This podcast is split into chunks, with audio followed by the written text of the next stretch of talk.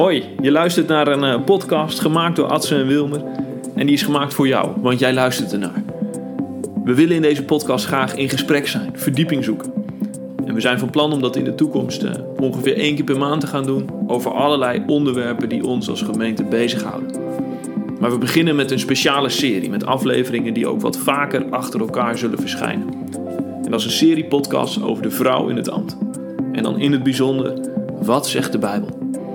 Gaan door teksten heen, we gaan Bijbelhoofdstukken uitpluizen en proberen te begrijpen waarom dit zo'n heet hangijzer is in tal van kerken. Op hoop van zegen.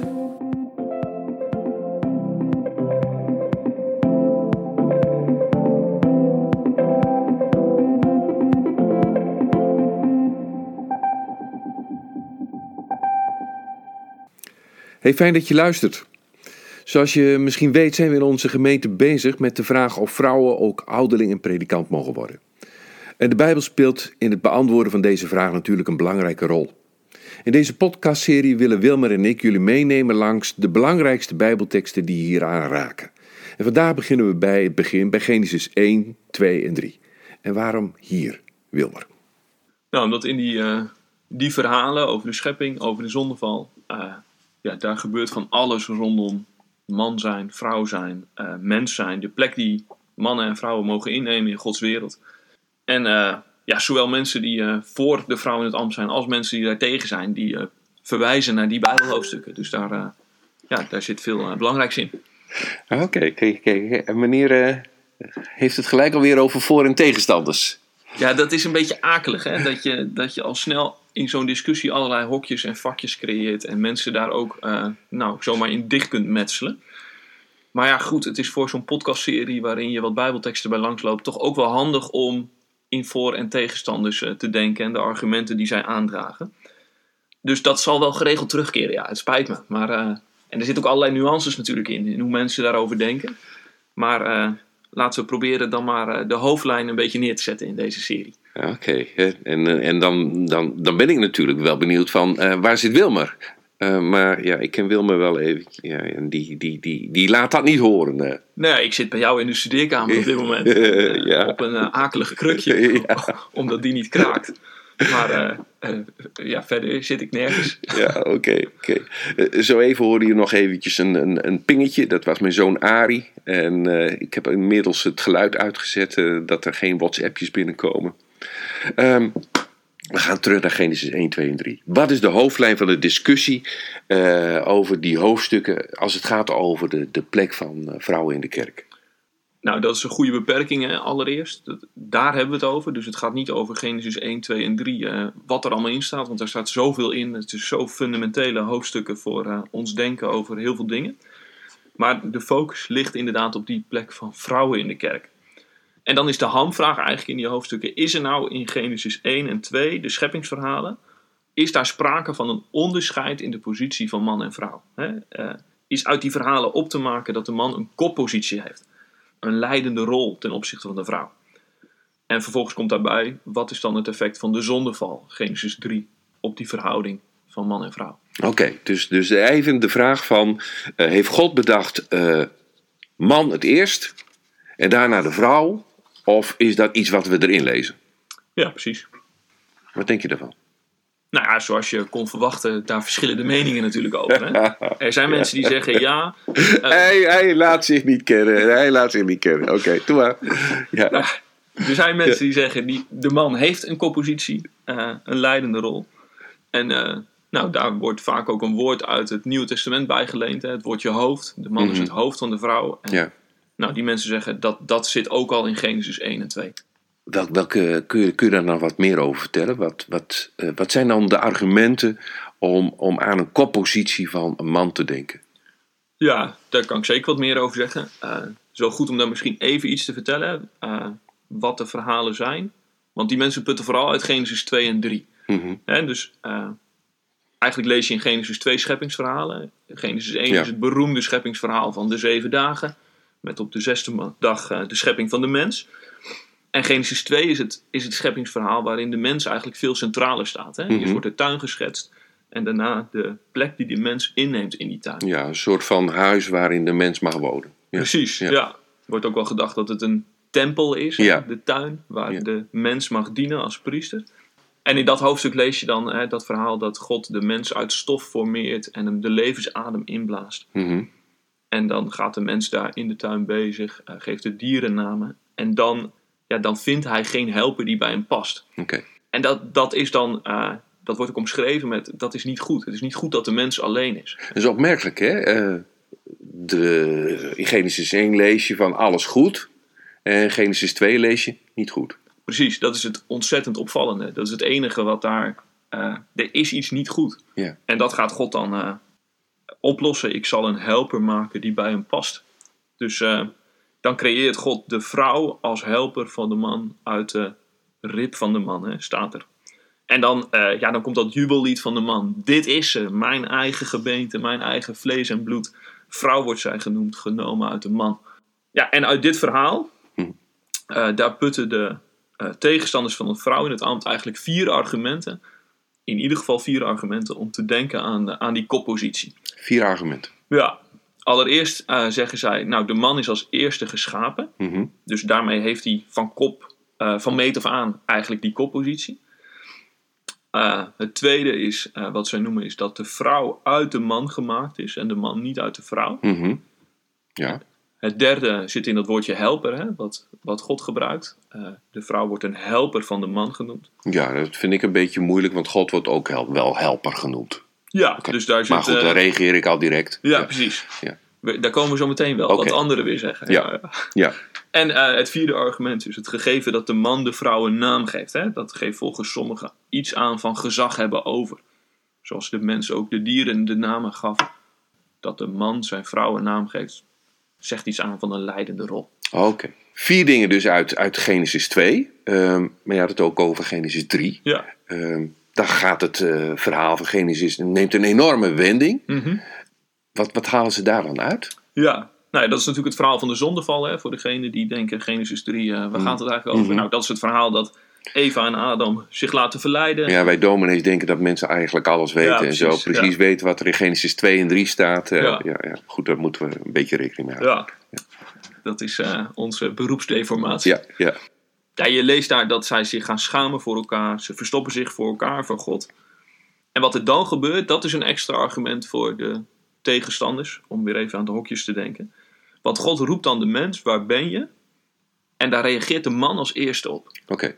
En de gedachte is daarbij, eh, ja, de man wordt als eerste ter verantwoording geroepen. Dus ja, die, die heeft de koppositie, heeft de leiding. Die wordt eh, op het matje geroepen, Hm. zeg maar.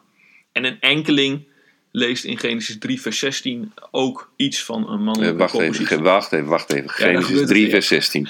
Ja. Ja, meneer denkt dat wij weten, eh, dat alle mensen weten wat er in Genesis 3, vers 16 staat. Ja, Nou ja, dat, eh, dat zal ik dan nu even toelichten. Als het God duidelijk is geworden hoe de mens eh, in zonde is gevallen en de rol die de slang daarin speelt, dan gaat God een, eh, een straf, een vloek uitspreken over de mensen Ja. en over de slang. ja, En daarin zegt hij dan tegen de vrouw, en dat is Genesis 3 vers 16, je zult je man begeren en hij zal over je heersen. oké. En dat heersen wordt door sommige uitleggers gebruikt eh, als een argument voor die koppositie. Hè? Dus dat wat God daar zegt, Ja, dat dat ook echt de bedoeling is. Dat het Gods bedoeling is dat de man heerst over de vrouw. ja, oké. Als ik het zo hoor, dan klinkt het als een vloek. Ja, precies. En dat, eh, hè, dit zijn echt enkelingen. Ook de nou, eh, mensen die echt fel tegen de vrouw in het ambt zijn. Die, die zeggen ook, dit is een vloek. Ja. Dit is niet de bedoeling. Ja. Dit, is, dit is de verwrongenheid in de relatie van man en vrouw. Komt hier naar voren. En dat zien we tot op de dag van vandaag. Hè. Er zit een, ja, in de dynamiek van mannen en vrouwen is gewoon het kwaad geslopen. Hmm, En vrouwen worden misbruikt, achtergesteld enzovoort. En ook tegenstanders van de vrouw in het ambt zeggen: dit is een vloek. Dus daar, eh, ja, dat zijn echt enkelingen die zeggen: eh, dit is de bedoeling. Oké, oké. Helder. Nou, ehm, dat is Genesis 3. Ehm, dan Genesis 1. Ehm, eerste scheppingsverhaal. Zitten daar nou ook nog eh, argumenten in waarvan je zeggen kan van... Ja, dat pleit toch heel duidelijk voor een koppositie van de man. Eigenlijk niet. Hè? In Genesis 1 staan ongelooflijk belangrijke woorden over de mens en over man en vrouw. Beide geschapen naar Gods beeld. En dat wordt vandaag ook volop erkend door degenen die wel aan die koppositie denken. Ja, oké. ja. ja, maar dan zit ik te denken van, van eh, hoe was het dan vroeger? Is het altijd al geweest dat dat... Nee, ja, dat is. eh, eh, over de vrouw is op allerlei manieren gesproken in de kerk en in de theologiegeschiedenis. Hè? Ze is echt als inferieur aan de man beschouwd, gewoon minder dan de man, of ook wel een mislukte man genoemd. Hè? Dat, en er is zeker ook gedacht eh, dat alleen de man het beeld van God is en de vrouw niet. Nou ja, ah, dat zijn gedachten en overtuigingen die je volgens mij vandaag eh, nauwelijks meer tegenkomt. Nee, Dat, eh, dat, dat staat ver van, van ons af. tenminste als het gaat om zinnige theologie. Ja, Ja. maar eh onzinnige theologie lees ik nooit. Nee, Nee, dat weet ik niet. Ik- Ja. Misschien zijn er best ergens in de uithoeken eh, mensen die dat, eh, dat, dat roepen, maar dat, ja, dat, dat kom je niet veel tegen. Nou, op de Facebook. Ja, weet, weet ik niet. Ik zit niet op Facebook. Nee, oké. ja. ja. En wat je wel ziet, is dat teksten vanuit het Nieuwe Testament gebruikt worden om duidelijk te maken dat de vrouw op een andere manier beeld van God is dan de man. Eén belangrijk tekst is daar eh, 1 Corinthians 11. Eh, daar schrijft Paulus: De man is Gods beeld en luister. En de vrouw is de luister van de man. Dus daar, de vrouw is echt wel beeld van God, maar wel via de man waaruit zij gemaakt is. Dus ja, daar zie je dat de argumenten uit Genesis 2 weer een belangrijke rol spelen. Eh, de vrouw is uit de man genomen en via haar verbinding met hem is zij beeld van God. Maar goed, dat is dus niet een nieuw argument uit Genesis 1. Daar speelt eh, Genesis 2 weer met name een rol. En eh, de tekst uit het Nieuwe Testament. Dat zijn dus de argumenten voor de leidende positie van de man vanuit Genesis. Eh, en wat zeggen dan de mensen die zeggen van, ja, kom op zeg, eh, dat, dat, dat lees je maar, hè? Eh, dat, dat, dat lees je in, dat, dat de man een, een leidende positie heeft. Eh, eh, hoe gaan zij nou met, met deze tekst om? Nou ja, dat zal je niet verbazen, maar voor hen is Genesis 1 heel belangrijk. Hmm. En dan met name vers 26 tot 28. En ik zal dat ook even voorlezen, die woorden. Ja. Daar zegt God: Laten wij mensen maken die ons evenbeeld zijn, die op ons lijken. Zij moeten heerschappij voeren over de vissen van de zee en de vogels van de hemel, over het vee, over de hele aarde en over alles wat daarop rondkraapt. God schiep de mens als zijn evenbeeld, als evenbeeld van God schiep hij hem, mannelijk en vrouwelijk schiep hij de mensen. Hij zegende hen en zei tegen hen: Wees vruchtbaar en word talrijk, bevolk de aarde en breng haar onder je gezag. Heers over de vissen van de zee, over de vogels van de hemel en over alle dieren die op de aarde rondkruipen. Oké, Nou ja, Eh. dat is de mens als beeld van God, hè? Dat komt ja, daar. eh, en dat geldt voor man en vrouw. ja, en dat, ja, dat, is, dat zit heel erg in deze tekst. De mens is dat beeld van God als man en vrouw, mannelijk en vrouwelijk. Dus allebei en samen zijn zij beeld van God. En daar zitten ja, dan vervolgens een paar gedachten onder, Mhm. die heel belangrijk zijn voor eh, de voorstander. En allereerst is dat het denken over de mens als een relationeel wezen. En Ja. Het is heel opvallend eh, in deze teksten hoe God in het meervoud over zichzelf spreekt. Hè? Laten wij mensen maken die ons evenbeeld zijn, die op Oh, ons ja. lijken. Dan heb je, heb je ook al die relatie, dat God een en al relatie is. Precies, ja. En zoals we hem later ook leren kennen als vader, zoon en geest. Eh, nou, God is relatie. Dat, dat zie je daar. En dan zegt hij, ik wil mensen naar ons beeld. Mhm. Ja, dan is die mens ook relatie. Ja, Mannelijk en vrouwelijk Ja, hen. En dat is volgens degenen die zeggen dat de man geen koppositie heeft, dan ook fundamenteel voor hoe je over eh, eh, man en vrouw denkt. Ze zijn samen in hun relatie beeld van God. oké, hey, maar eventjes, dan zou je dan ook kunnen zeggen, vader, zoon en geest, eh, dan zou je daar ook een, als je dan uit wil gaan van koppositie, zou je ook kunnen uitgaan van koppositie. Koppositie van vader boven de zoon, boven de geest. Ja, en dat is ook wel wat eh, voorstanders de tegenstanders verwijten. Hè? Mhm. Eh, hieruit. Die zeggen ja, dat doen we in de theologie heel bewust niet. De Vader, de Zoon en de Geest zijn alle drie God. En alle drie gelijk aan elkaar. We hebben niet, de Zoon is niet minder dan de Vader en de Geest ook niet. Mhm. Dus man en vrouw ook niet. Dat is, eh, Dus God legt zichzelf, hè, eh, als de mens geschapen is, als man en vrouw, legt hij, zich, eh, legt hij zichzelf als drie-enig, één in elk opzicht, legt, hij, legt hij zich zo ook in de mens. Is. Precies, dat is de gedachte. En, dan, en daar komt dan dat tweede element bij, wat ook in deze tekst zit: hè, dat de mens dan heerschappij mag voeren over de schepping. En dat is dan ja, dat is niet de man die heerschappij mag voeren, maar Mhm. nee, de mens, mannelijk en vrouwelijk, krijgt samen die opdracht. Nou, en als dat zo in de schepping is, als dat zo de bedoeling is, dan moet dat ook in de kerk zo zijn, zeggen degenen die niet aan een koppositie. Ja, tenzij je denkt dat de kerk geen schepping is. Ja, nou ja, dat, dat, dat zou je dan een onderscheid in moeten maken. Ja. Ja. Hoe, hoe gaan ze dan om met, eh, met, met Genesis 2? Eh, want ja, dat maakt wel duidelijk van dat eh, Adam eerder is geschapen dan, eh, dan de vrouw. Ehm, ja, en er zijn wel meer vragen die dan, die, die dan opkomen, denk ik. Ja. ja, misschien is het goed om daarvoor wel even nog te beginnen bij Genesis 3. Want eh, ja, die vloek hè, van Genesis 3, vers 16, dat de man zal heersen, eh, dat is een belangrijke gedachte voor de voorstanders van de vrouw in het ambt. Hè. Mhm. Zij zeggen die vloek, die werkt ook door in de theologie en in ons lezen van de Bijbel. En nou, dat is op zich een heel terechte gedachte, want wij lezen de Bijbel en theologiseren in een gevallen wereld. En voorstanders in de, voor de vrouw in het ambt zeggen, dat is nou ook echt gebeurd met het lezen van Genesis 2. Die teksten zijn we gaan lezen vanuit de vraag naar macht en gezag. Hè? Vanuit de vraag wie is meer, wie is minder, wie is de baas, wie heeft de broek aan. Dus eigenlijk van je eh, leeft in een, eh, in een zondige werkelijkheid en je gaat teruglezen wat je in de zondige werkelijkheid beleeft in Genesis 2, waarvan ja, waar gesproken wordt ja, over een fase, kun je bijna eens niet voorstellen, hè? waarin de zonde nog niet in de wereld aanwezig Nee, is. precies. Ja, en ze, en ze zeggen, de, we zijn daar met onze vraag naar die machtsverhouding, Mhm. zijn we gaan lezen. Terwijl zij zeggen, ja, het gaat in Genesis 2 helemaal niet over wie de broek aan heeft.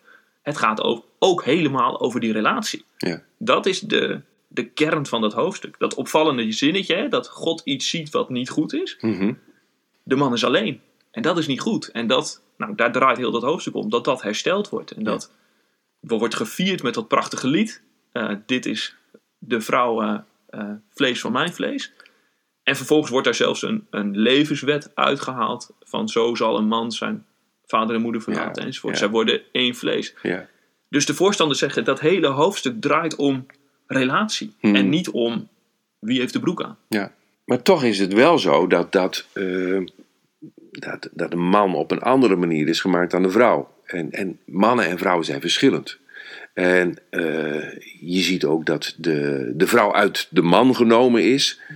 Eh, ja, zit daar dan niet iets van een gezagsrelatie in? Nou, daar zeggen zij ook, nee, dat is ook weer volop relationeel in de manier waarop dat verteld wordt. Hè? De vrouw uit de zijde van de man genomen om naast hem te staan. Hmm, Er zijn zelfs uitleggers die zeggen dat dat woordje wat voor rib gebruikt wordt, Ja. dat dat in het Hebreeuws eh, eigenlijk slaat op de hele zijkant van een man. Ja, de gedachte die zij neerleggen is dat Adam in slaap is gevallen en gezien heeft hoe hij zelf door midden is gekliefd en van één twee werd, zeg maar. De vrouw is letterlijk de wederhelft van de man Ah, in deze prachtig. uitleg. Ja, ja, ja. Ik had wel eens gehoord van hey, eh, dat ook onder Joden wel wordt gezegd van eh, de, de, de vrouw is gemaakt uit de rib van een man, eh, niet uit zijn voeten om door Mhm. hem vertreden te worden, niet uit zijn hoofd om hem te overheersen, maar uit zijn zijde om zijn gelijke te worden. Maar ik vind, dit ook wel leuk, van eh, ze echt zijn wederhelft. eh. Ja. Hoe moet je dat voorstellen? Dan eerst een mens ook als een onzijdig wezen? Zou dat. Ja, in die richting gaan de gedachten van sommigen wel. Hè? Dat, eh, in Genesis wordt ook steeds het woord mens gebruikt. Nou, dat Mhm. is in het Hebreeuws ha-adam. Ja, ja. Eh, maar de eigen naam Adam komt eigenlijk niet voor. Hè? Dus deze mens is echt de representant van heel de mensheid. Maar was die mens een man? Daar ligt in ieder geval in de tekst niet het accent op. Nee. Het accent ligt op het gegeven dat de mens pas af is als hij mannelijk en vrouwelijk is. Hmm. Dus er worden wel vraagtekens ges- gesteld inderdaad bij de vanzelfsprekendheid dat die mens uit Genesis 2 een man was. En alle accent komt te liggen in de redenering van deze mensen op die gelijkwaardigheid. Het Mm. naast elkaar staan. Hey, eh, heeft het dan eh, nog wel wat te betekenen dat eh, de man eerder geschapen is dan de vrouw? eh? als, je, als je het zo voorstelt. Nou ja, door deze uitleggers wordt dat zeker onder kritiek gesteld. Hmm.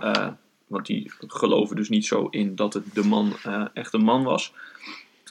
Maar ook veel voorstanders van de vrouw in het ambt volgen deze specifieke uitleg niet hoor.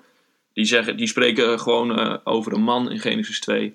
En die nou, zeggen dan, de- dan dus ook dat de man als eerste geschapen is. Maar zij stellen dan de vraag, eh, ja, hoezo betekent een volgorde, wie als eerste geschapen is, Mhm. ook een rangorde? Wie belangrijker is of koppositie heeft of niet. Is volgorde van scheppen een bewijs van een verschillend gezag of iets dergelijks? Nou, en zij zeggen dan nee, want dat staat er niet. Mhm. En bovendien, wat zou dat dan te zeggen hebben over de dieren? Die zijn eerder geschapen dan de mensen.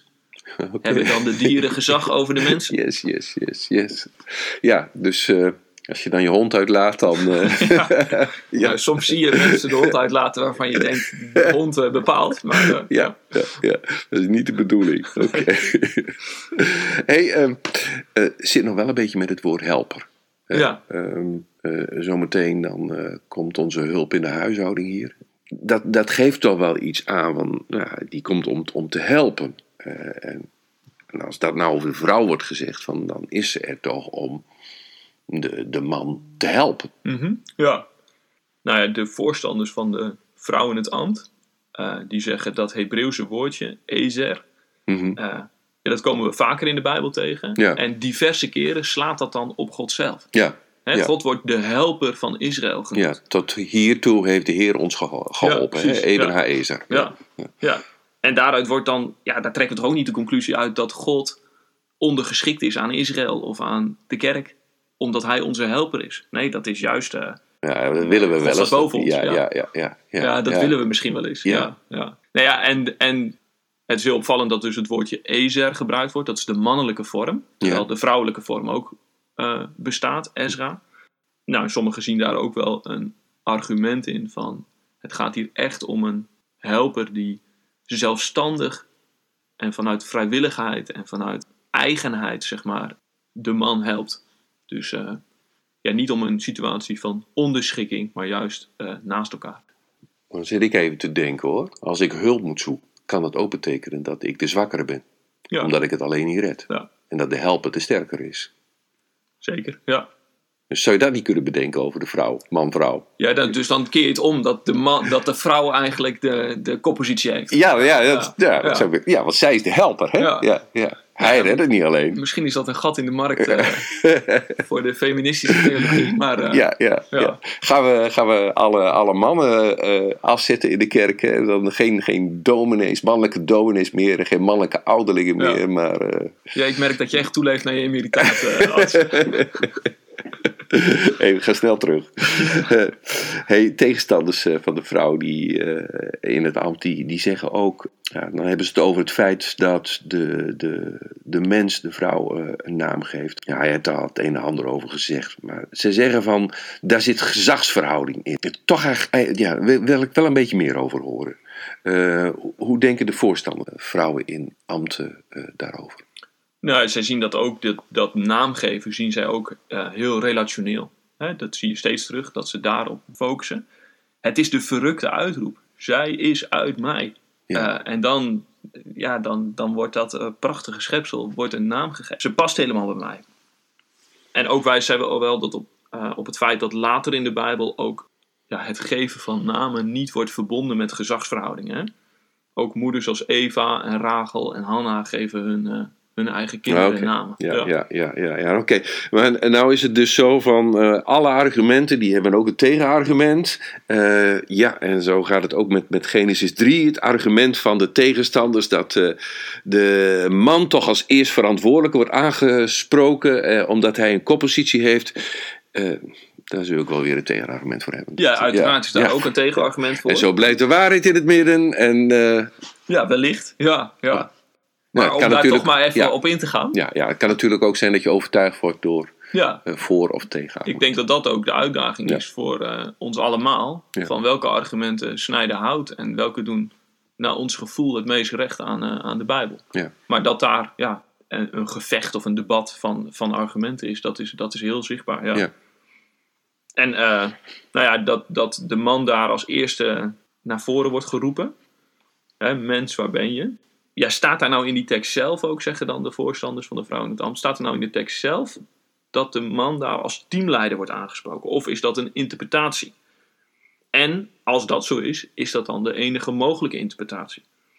Nou, de voorstanders zeggen dus nee, dat is niet de enige mogelijke.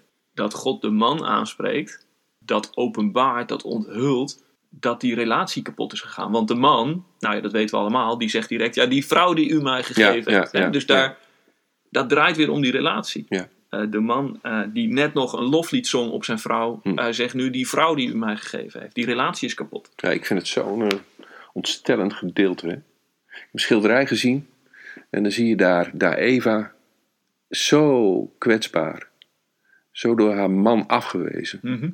En dan zie je gewoon dat, dat ze zo kapot is. Hè? Van, van die man die, die zo blij was met haar, die, die zong en, Ja. En, en die haar nou afdankt en, en, en tot zondebok maakt. Ja. En, ja. Nou, ja, dat is. eh, ik vind dat eh, heel verdrietig en heel mooi hoe dat in de Bijbel direct duidelijk wordt. Die, dat relationele van de mens, gemaakt voor een relatie met God, gemaakt om in relaties met mensen te leven. Ja, dat is direct kapot. Ja. Ze verstoppen zich voor God en voor elkaar. Ja. En nou ja, ze zeggen verschrikkelijke dingen. Ja. Eh, en ze wijzen naar de ander enzovoort. Nou ja, en dat is eh, ook de nadruk die die voorstanders steeds leggen. Het gaat hier om relatie, niet Ja. om gezagsverhouding. Ja. Hey, heel veel eh, argumenten eh, en heel veel dingen. En je kunt er nog veel meer over zeggen. En we zouden er een verschrikkelijk lange podcast van kunnen maken. Mhm. Eh, Dat is die al. Hij is heel lang, ja. Toch heb je nog een uitsmijter. Ja, ik denk het wel. Ik denk dat het goed is om te zien hè, dat er vooral veel kale feiten zijn in de tekst. En Hmm. dat eh, voorstanders en tegenstanders die feiten interpreteren. En op die interpretaties bevechten we elkaar. Hè?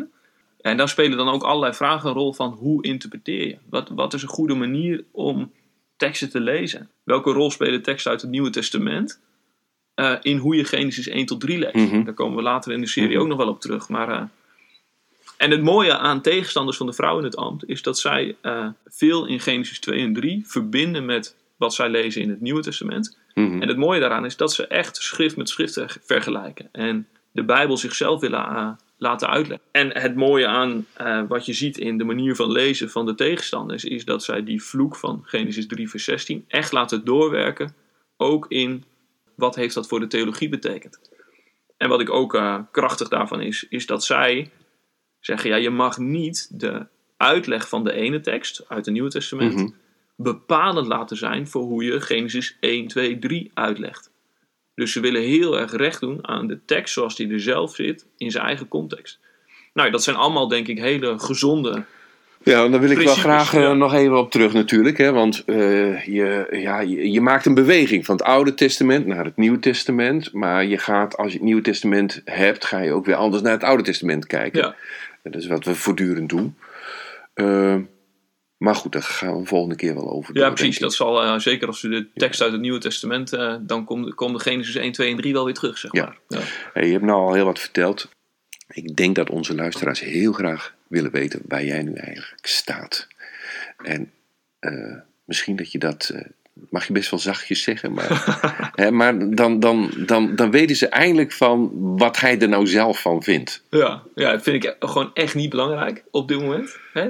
Ik denk dat deze podcastserie echt bedoeld is om, eh, om de argumenten van de discussie te laten zien. Waar gaat het over en wat ik daarvan vind, ja, dat is niet zo belangrijk. Ik hoop dat eh degenen die dit geluisterd hebben voor zichzelf denken: hé, maar dat vind ik sterke argumenten. Of eh, daar snijdt het hout, zeg maar. En Zodat ze in Ik- jou een, een hulp vinden die bij hen past. Ja, bent, Ja. ja. precies. Ja. En, En help meer denken. onderwijzend dan... ik, er zijn al genoeg mensen die allerlei meningen over allerlei zaken hebben. Dus ik, het is heerlijk om daar niet met je mening voor aan te staan.